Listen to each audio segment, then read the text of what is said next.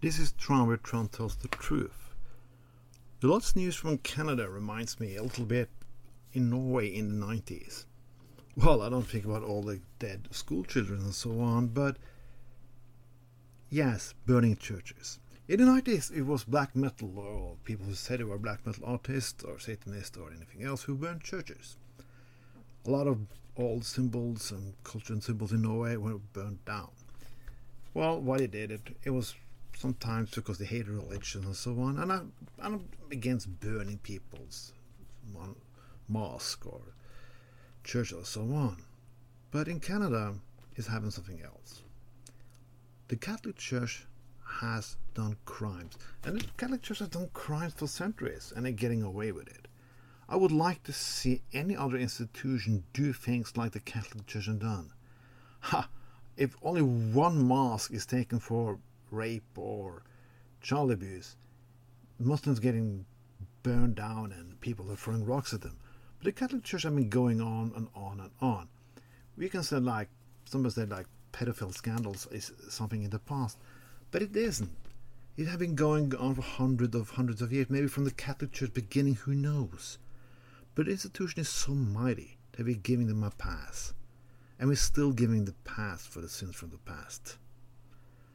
But in Canada, people had it. All this terrible news of people that and mass graves and so on was so horrible. They just fucking lost it. They started burning churches. And again, I do not defend it. But I understand it. I do understand it. I do understand it when nobody has been talking about this before, really. When no politician is say the Catholic Church or or the law because they're living in a society in a society. They can do what the fuck they want and they will get away with it. Yeah some priests have been put to jail and so on. The magnitude the, the, the amount of criminal criminality they have been done the, the child abuse the power abuse and so on and so on is been going on and still is going on, and they're still getting a pass. People are still celebrating the Pope, and that's how low the bar is society today. A Norwegian politician wanted to give the new Pope Nobel's Peace Prize, and I really said, fuck you very much. Yes, the Catholic Church new Pope is better than previous ones. It's better than the fucking shit who's been going on since the church beginning. But now, because you want to change a little, because you want to do say something who's maybe a little bit more correct, and want to do something that is enough for a Nobel's Peace Prize. No, it's not. They look like this institution don't want to stop before somebody forces them to stop. In Norway, a few years ago, they were they were using state funding and yeah they stole a lot of money from the state. Well I, I sorry I lost my English words there. And they got away with it for a long time. And when they were turned on by the courts they said now we have to come together.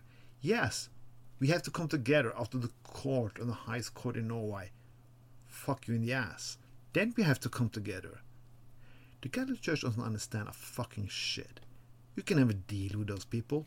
You cannot compromise with those people.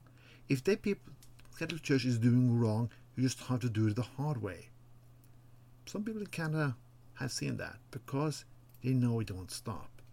And they know the Catholic Church don't want to do anything. I haven't seen the Pope say something yet. No, they haven't. I can give you news so on of people who think like they are. The, the, the church have been treated bad. But again, this is the Catholic Church's own fault. They started this, and they're gonna still paying for this if they don't stop and do, and do something very drastically with the church.